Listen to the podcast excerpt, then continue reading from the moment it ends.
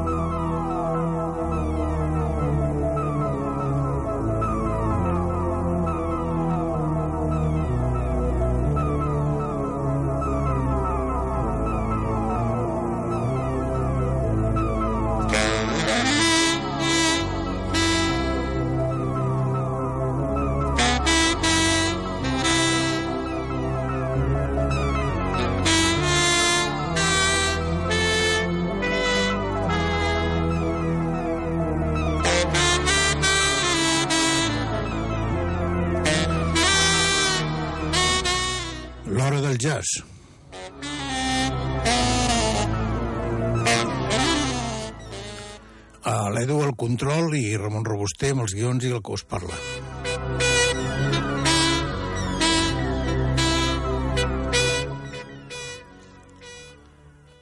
Fa sis dies, el dia 2 d'aquest mes, eh, va morir un dels monstres un dels grans músics de la història de la nostra música, del jazz, que és el senyor Wayne Shorter.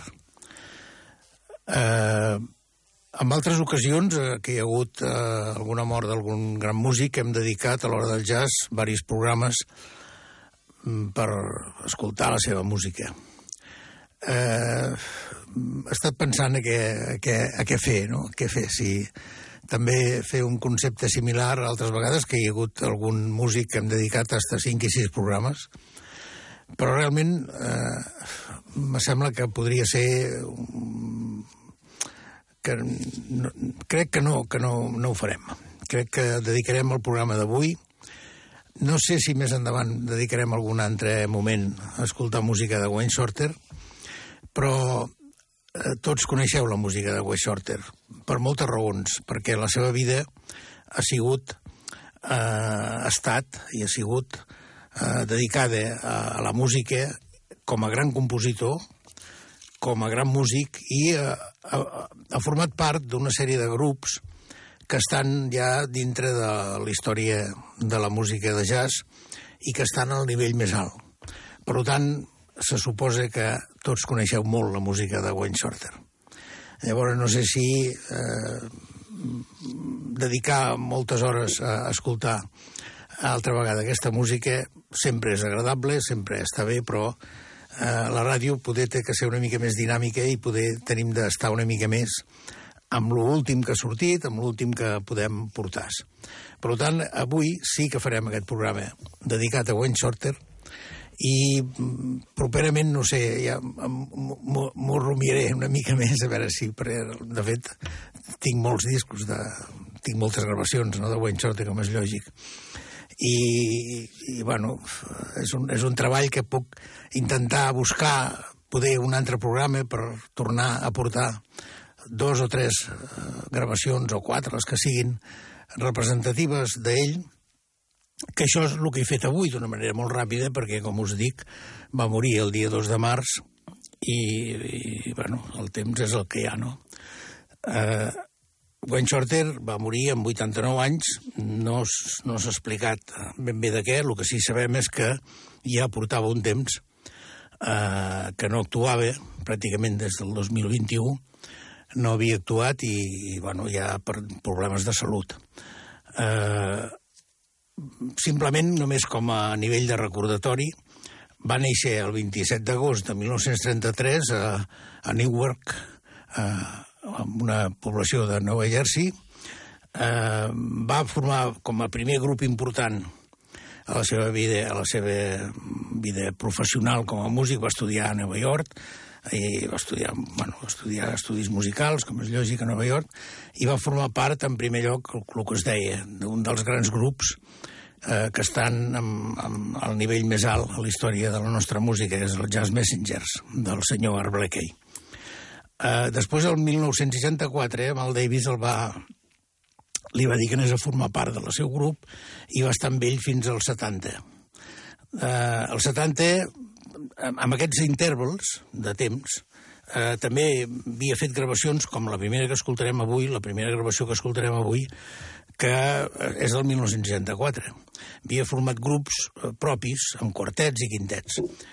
Mm, però els grans grups que es coneixen d'ells són aquests i aquestes gravacions que, que jo el que he intentat amb, amb el programa d'avui, el que intento és portar eh, unes peces que siguin més personals, no de, de grups, perquè amb els grups hi havia diversos líders, com en aquest cas amb els Messengers, doncs, com és lògic hi havia el senyor Blakey, i amb el Davis, o que el diu, no? Després mm, eh, d'aquests anys, de 1970, va formar un grup mític i, de, i que, que, que va ajudar que la música de jazz també eh, entrés amb uns nivells de, de, de, de gent més jove, que és la, la Walter Report. Eh, això va estar molts anys, va, va fer moltes gravacions. Després ja comentarem el nivell de la quantitat de gravacions que té en cada, en cada un d'aquestes etapes de la seva vida. I el 2000 va ser quan va formar el primer quartet ja fixe, estable, eh, durant molt de temps. Eh, I fins a l'actualitat hi ha gravacions de diversos tipus, no moltes, com a, com a ell, com a, com a ell com a líder, no n'hi ha moltes, pel nivell de, de, de quantitat de gravacions que arriba a tindre. Crec que, com a ell, pràcticament són unes 30 com a líder. Que no és que no siguin moltes, no, són moltes, però com que s'hi ha d'afegir totes les demés aportacions que, que Wayne Shorter ha fet durant la seva vida als diferents grups i a diferents conjunts, doncs al final la suma és brutal, no? És, és una cosa increïble. Amb els Jazz Messengers també n'hi ha uns 20, eh, bueno, ja ha un comentant al llarg del programa. I, com us he dit, avui porto tres àlbums de tres èpoques bastant diferents, eh, no només amb el temps, sinó també per la, per la música que contenen. Tot i que en el moment que Wayne Shorter eh, es posa davant dels saxos, eh, hi ha moments, ja ho escoltareu. El primer àlbum és de 1964 i l'últim és del 2020. Eh, no, el 2022, crec, sí, el 2022. Eh, és Wayne Shorter. Per tant, eh, és totalment identificable, és un esperit eh, progressiu diferent des, del, des dels primers moments, com amb aquesta gravació primera que escoltarem, i és realment extraordinari eh, la, la, la manera que eh, sempre ha estat buscant possibilitats i més, més i ha fet avançar el jazz d'una manera increïble. Ja, eh, si entreu a les webs, com és lògic, podreu trobar molta informació de Wayne Shorter, no cal dir perquè és un, és, bueno, és, és, podeu trobar el que vulgueu, no? Eh, des de tots els punts de vista. Però a mi hi ha postos que hi ha frases que escoltes o que llegeixes i una que em va cridar l'atenció és la del, del New York Times que diu el mestratge de Shorter està en derrocar el mur entre el jazz i la música clàssica. I realment això també ho ha fet a la seva vida perquè ha fet diverses composicions clàssiques, ha estat interpretat per molts de les orquestres sinfòniques i inclús, mm, ja ho comentarem també, eh, una de les últimes aportacions va ser Ipigenia, és una òpera d'ell amb l'Esperanza Spalding, eh, que va fer el llibret i que va fer la, bueno, i que es va interpretar, no? Eh, es va interpretar fa, fa molt poc, fa, fa molt, poc, molt poc temps. Per tant, estem davant d'aquest monstre eh, increïble de Wayne Shorter i mm, anem ja per una mica de música i, com us deia, eh, la seva història amb Blue Note és interessant i el primer àlbum que va gravar amb Blue Note és un àlbum que s'anomena Somiador Nocturn, uh, Night Dreamer, i és de 1964. Amb aquesta, amb aquesta formació hi ha músics importantíssims en aquell moment i, i, i bueno, en aquell moment i sempre.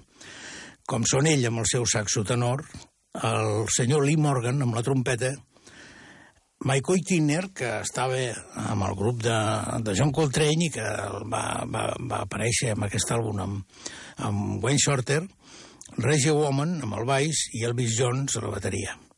Eh, L'anècdota explica, i és veritat, que la portada, que és maquíssima de Blue Note, que és una foto d'aquestes en moviment, que alguna, alguna ocasió que per aquell moment era, era, era interessant, perquè, clar, una foto d'aquesta portada d'aquest àlbum que la, que la podeu veure si amb el Facebook meu podeu trobar una mica les portades doncs eh, el 1964 atrevis a fer aquesta portada és, és també ja significatiu del contingut de l'àlbum no? però aquesta portada eh, parla dels músics però quan té de parlar de Michael Tirner diu etc com si no els hagués capigut, no? Vull dir, bueno, no sé qui, quin motiu va portar a fer aquesta interpretació tan especial de, de, dels músics que anaven amb aquest quintet. Uh, anem per la primera composició, és el, la que porta el nom de l'àlbum, el somiador nocturn. Aquestes, aquest àlbum n'hi ha sis composicions, es basa en sis composicions, l'original va ser de sis composicions, després amb les, amb les diferents eh, gravacions que han sortit posteriorment reeditades, s'ha afegit eh, la primera, que és, Vir, la, no, la, la tres, que és, mm, que és Verge, Virgo, s'ha fet una gravació, s'hi ha posat una gravació alternativa i amb aquest que tinc jo aquí en aquests moments, que és una reedició en CD del 2005, eh, mm, doncs hi està, no? Eh, per tant, són set les, les que formen aquest àlbum, però originàriament són sis. La de 1964 són sis. Eh, anem per la primera, eh, el somiador nocturn. Mm.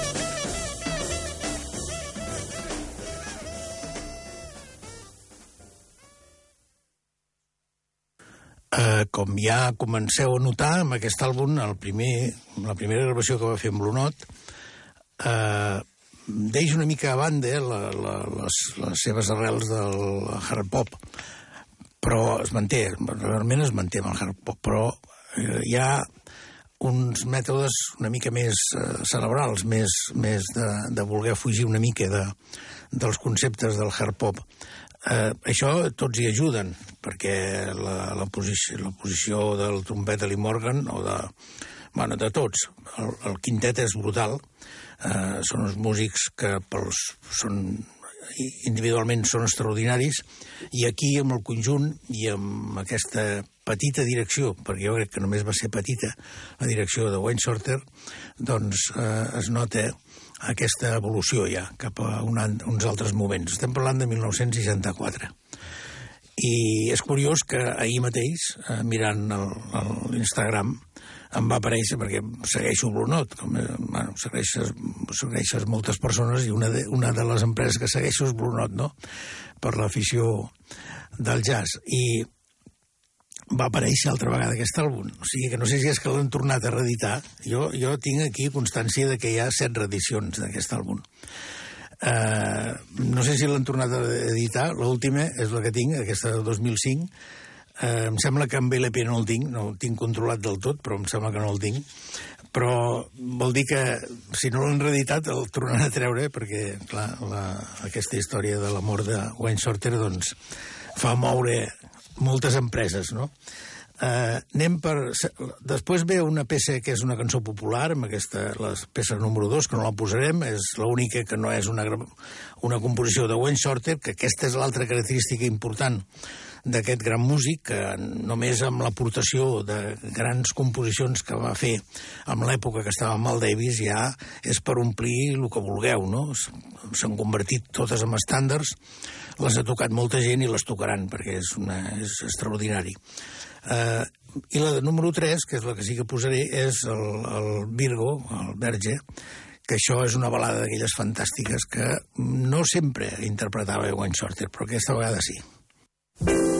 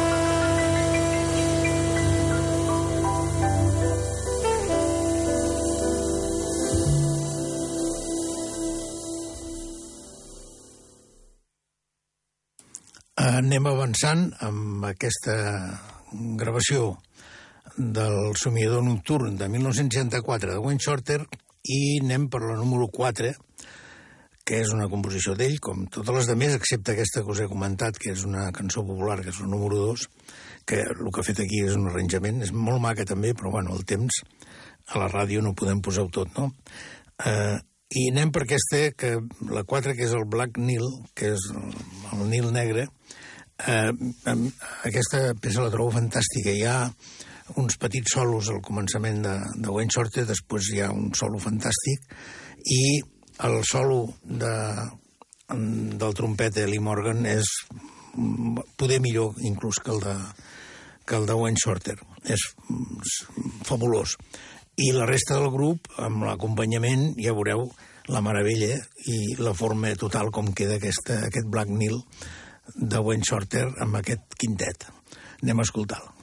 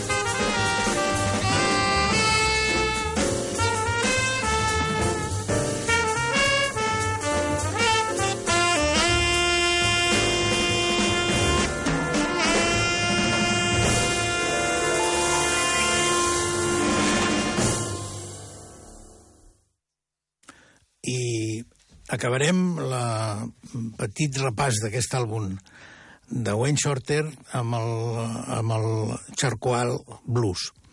Mm, eh, és un blues, no, no sempre n'hi ha, en les gravacions de Wayne Shorter, eh, i és un blues experimental, una mica eh, amb la bateria bastant potent eh, d'Elvis de, de Jones, eh, fa, bueno, es deixa anar completament i va tirant, no?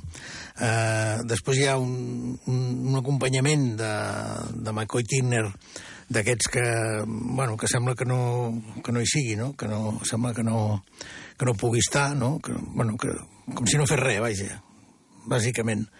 I, i continua tot el grup eh, amb, amb aquest to més alt, amb un to bastant alt, ja ho notareu, que és poder el to més alt de totes aquestes gravacions que hi ha en aquest àlbum, i, i bueno, els solos de Gwen Shorter, com sempre, fantàstics.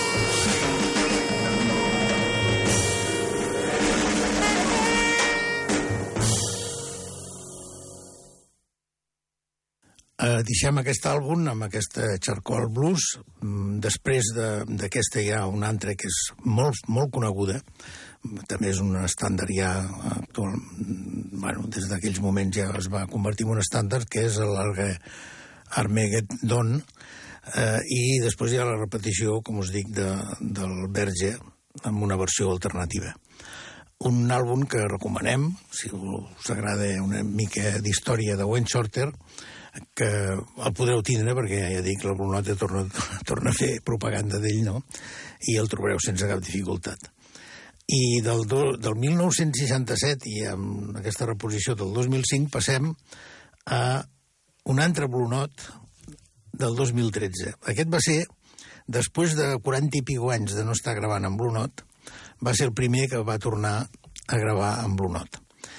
Uh, com us he explicat al començament, o com us he mencionat al, al començament, uh, a partir del 2000 va formar aquest quartet eh, que durant molts anys va ser el, el quartet de Wayne Shorter. Amb ell hi havia el, el Danilo Pérez amb el piano, el John Patitucci amb el baix i el Brian Blake a la bateria. És una formació que va estar molts anys actuant i una de les gravacions interessants d'aquests moments, me sembla que n'hi ha 4 o 5, totes pràcticament són gravacions en directe, eh, doncs és la que us porto ara. Aquesta s'anomena Sense una xarxa, un 8 o un anet, i és de una gravació que va sortir al mercat el 2013. Tot i que les, les composicions que, que porta, que n'hi ha nou, que són de Wayne Shorter, tot i que em sembla que n'hi ha una Uh, sí, n'hi havia una que està, la primera, que l'escoltarem, l'Òrbites, que ja estava amb, amb un dels discos de Mal Davis. Uh, doncs, com us dic, aquestes nou gravacions, vuit són tocades en concerts, en directe, amb les seves amb la seva, amb la seva formació, amb aquest quartet, i amb, les, amb la ruta que feia per Europa i per Estats Units, i una està gravada amb, amb, amb una que és molt llarga, que no posaré perquè el temps no m'ho permet, que és el, el Pegasus, que és també una composició extraordinària, una mica sinfònica, i que hi aporta eh, no només el quartet, sinó que hi aporta el grup i Mani eh, Vinos, que hi ha eh, cinc músics més, eh, amb oboe, clarinet, friscorn, un bessó, una flauta, en fi, és una cosa una mica diferent, eh, que entra ja en aquest món de Wayne Shorter de les peces més sinfòniques. Però per la duració que té de 23 minuts no el podrem posar perquè m'interessa més a eh, fer un repàs de tot l'àlbum amb altres composicions que en posarem 5 d'aquest àlbum. Sentim, doncs, la primera Orbits eh, de, de Wayne Shorter amb aquest quartet extraordinari que va durar molts anys.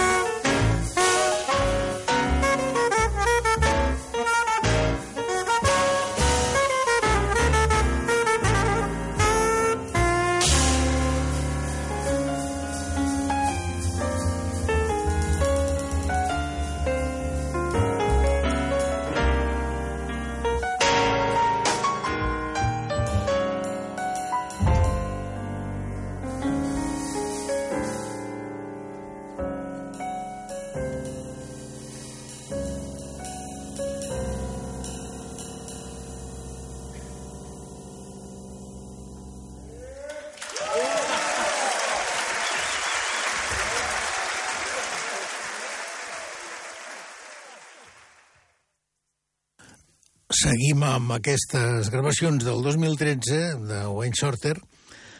Eh, la que ve ara és Starry Night, eh, nit estrellada. Mm, ja veureu que hi ha un, una, una actuació sensacional de, del Danilo Pérez, el, el pianista, que a mi m'encanta, aquest home és, en totes les gravacions d'aquest quartet mm, tan extraordinari de Wayne Shorter, ell és un dels, dels potents. Aquí hi ha una cosa d'aquells trèmolos que fa amb el piano i al fons sentim el John Patitucci amb el, amb el baix mm, que, que, que, va, que va acompanyant aquesta història de, de, del piano. És una peça junt amb alguna altra que hi ha, perquè aquest àlbum està, eh, està tret d'aquesta gira que va fer eh, des del 2000 eh, dos, em sembla que era del 2005 fins al 2000... Eh, sí, del 2005 al 2011 per diferents països, entre ells eh, moltes actuacions a, Europa, no? I, I aquí les composicions que hi ha amb aquest àlbum, que ja, ja notareu que estan seguides d'aplaudiments, és una mica raro, perquè eh, per lo que expliquen moltes cròniques, com la de Thomas Conrad, el Jazz Times, que fa una una crítica important d'aquest àlbum i que val la pena llegir, doncs eh, diu que, que, que, que, bueno, que ell va estar en quatre d'aquests concerts per Europa fins al 2011 i no li van agradar. Fins que un dia, el 2012, ja, passat el 2011, amb el festival d'Umbria Jazz Festival de Perusa, a Itàlia, mm, bueno, diu que va fer una actuació sensacional, brutal al grup, eh, que estaven com levitant tots i que, i que el Shorter va, va entusiasmar tothom i va ser un deliri total, sublim, diu.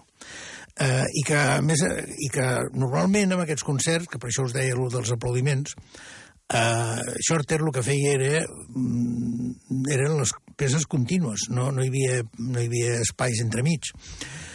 Aquí Blue Note ha fet això, ha posat, eh, no sé si per temes comercials, ha posat aplaudiments darrere de les composicions i ha triat vàries de les composicions, eh, sis o set de les composicions que va tocar durant aquests, aquesta gira, que diu aquest senyor, el Tomàs Conrad, que són molt similars als que va ell escoltar eh, amb aquest concert que diu que va ser sublim i mm, totalment diferent de tots els altres a, a Perusa, a Itàlia, el 2012. Per tant, és un àlbum que sí que està ben triada la música, de, de, de tot el que va tocar Wayne Shorter, que eren sempre composicions d'ell, eh, afegint-hi alguna cosa que ja havia tocat anteriorment, però sempre hi havia peces noves, com aquí diu que n'hi ha sis de noves, i bé, i que moltes d'elles, com aquesta que escoltarem ara, de Sterling Night, doncs que s'ha convertit ja, són ja estàndards consagrats de, de, del, del jazz. Uh, anem a escoltar-la i anem seguint amb aquest àlbum.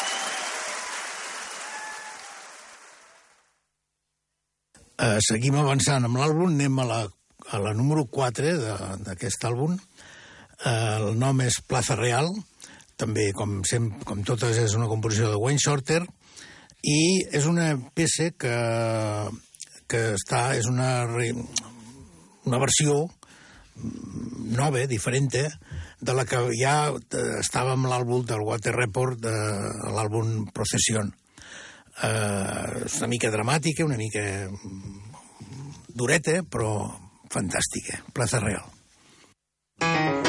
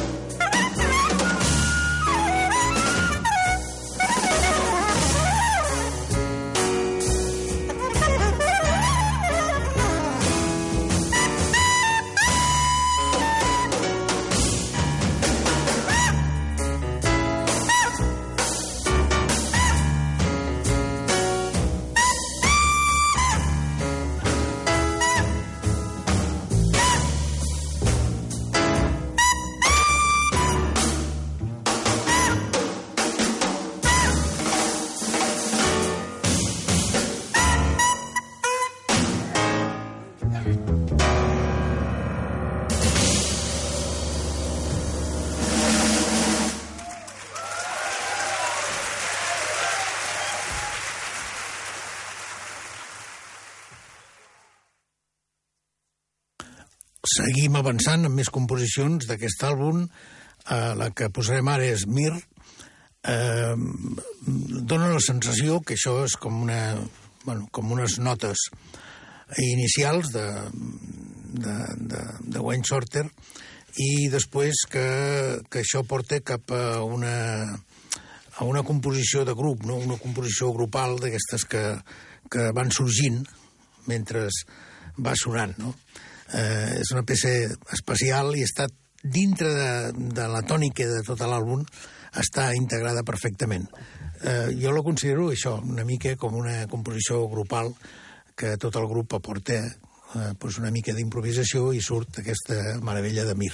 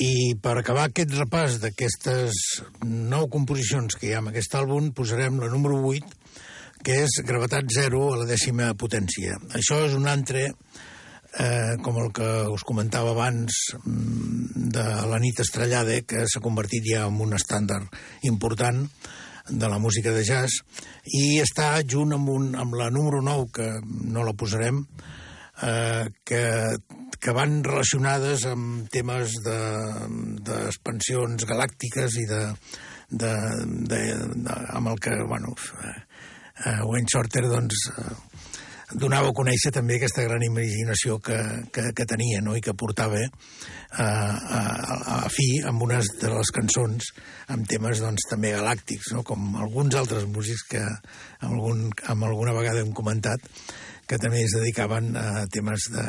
de feien composicions dedicades a temes d'aquest nivell, no? de, de les galàxies. Uh, aquest uh, quartet és el famós quartet de Wayne Shorter, amb ell amb el saxo tenor i, supra, eh, tenor i supra, el Danilo Pérez fantàstic amb el piano, John Patitussi amb el baix i Brian Blake a la bateria també, com sempre, meravellós. És un àlbum que recomanem, s'anomena Sense una xarxa, Windows Anet, i va estar editat per Blue Note, després de 40 i pico anys de no haver gravat res per Blue Note, el 2013. Eh, només vull comentar que aquesta formació eh, va estar al Festival de Jazz de Barcelona el 2015 a l'Auditori de Barcelona i jo no hi vaig estar en aquest, en aquest concert, però segons expliquen, eh, van interpretar part d'aquest àlbum que havia sortit dos anys abans. No?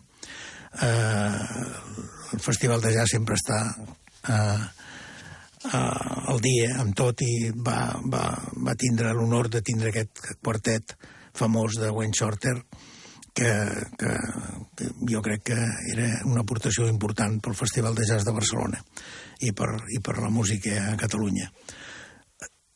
Deixem aquest, aquest àlbum amb aquesta composició eh, que, que és la gravetat zero a la dècima potència i, i és això, no? És molt potente, molt.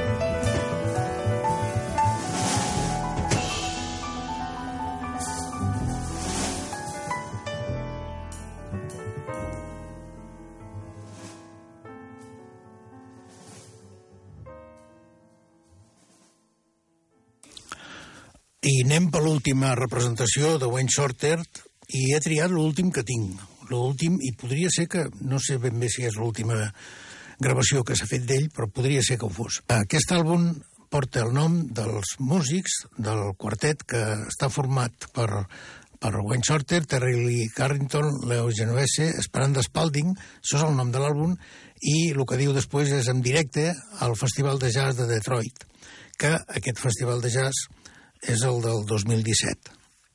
És una gravació que va sortir al mercat el dia 9 de setembre del 2022, l'any passat. Eh, tot i que va estar gravada el 2017.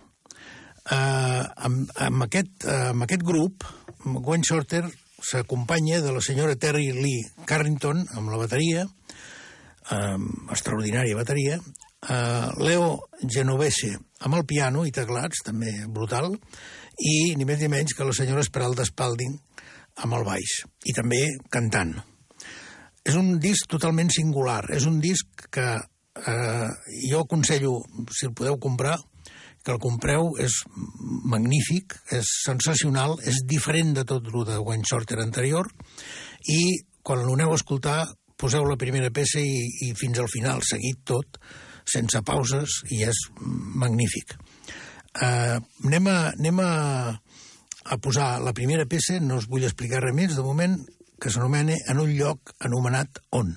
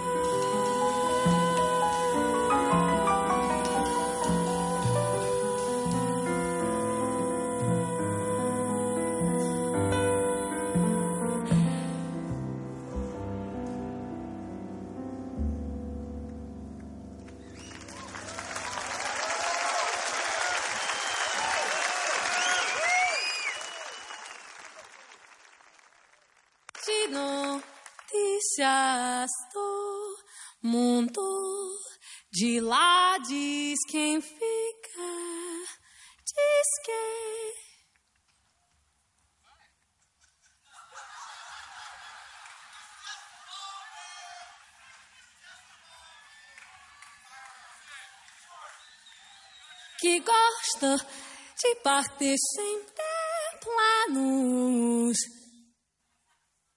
Melhor ainda é podar, podar quando quero.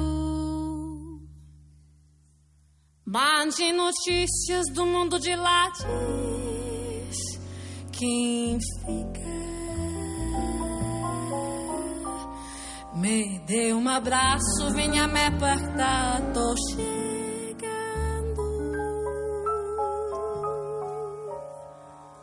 Quais o que gosto é poder partir sem ter plano.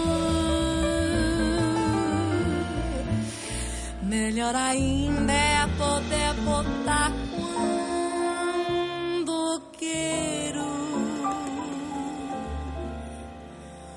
Todos os dias em vai ouvir a vida se repete na estação. Tem gente que chega pra ficar, tem gente que vai pra nunca mais. Tem gente que vem, quer voltar, tem gente que vai, quer ficar, tem gente que vê sol olhar, tem gente a sorrir e a chorar.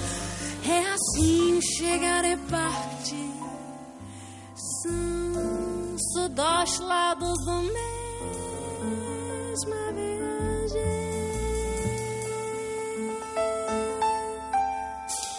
O trem que chega é o mesmo trem da partida. A hora do encontro é também despedida.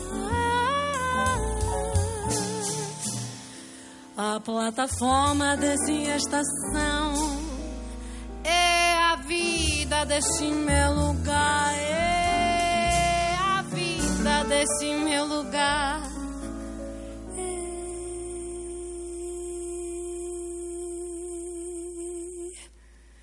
a vida.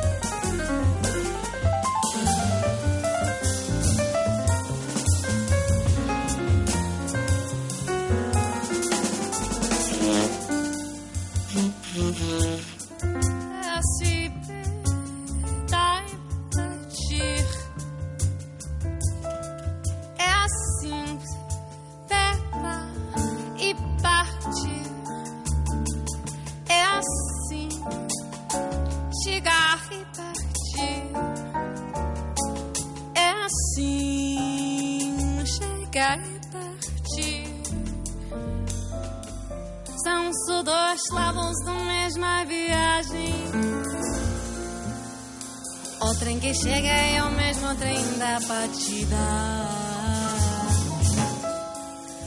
A hora do.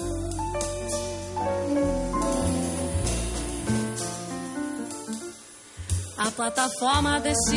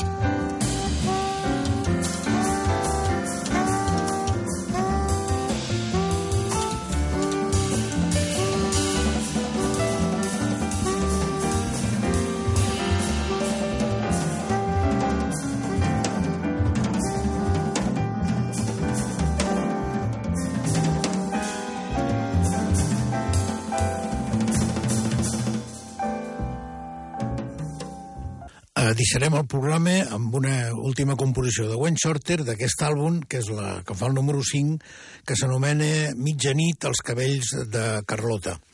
Eh, és, és una oportunitat eh, extraordinària que teniu de tindre l última gravació perquè ja, eh, com fa sis dies Wayne Shorter, com hem comentat, va morir i això es converteix, aquest àlbum es converteix eh, en, en un document històric.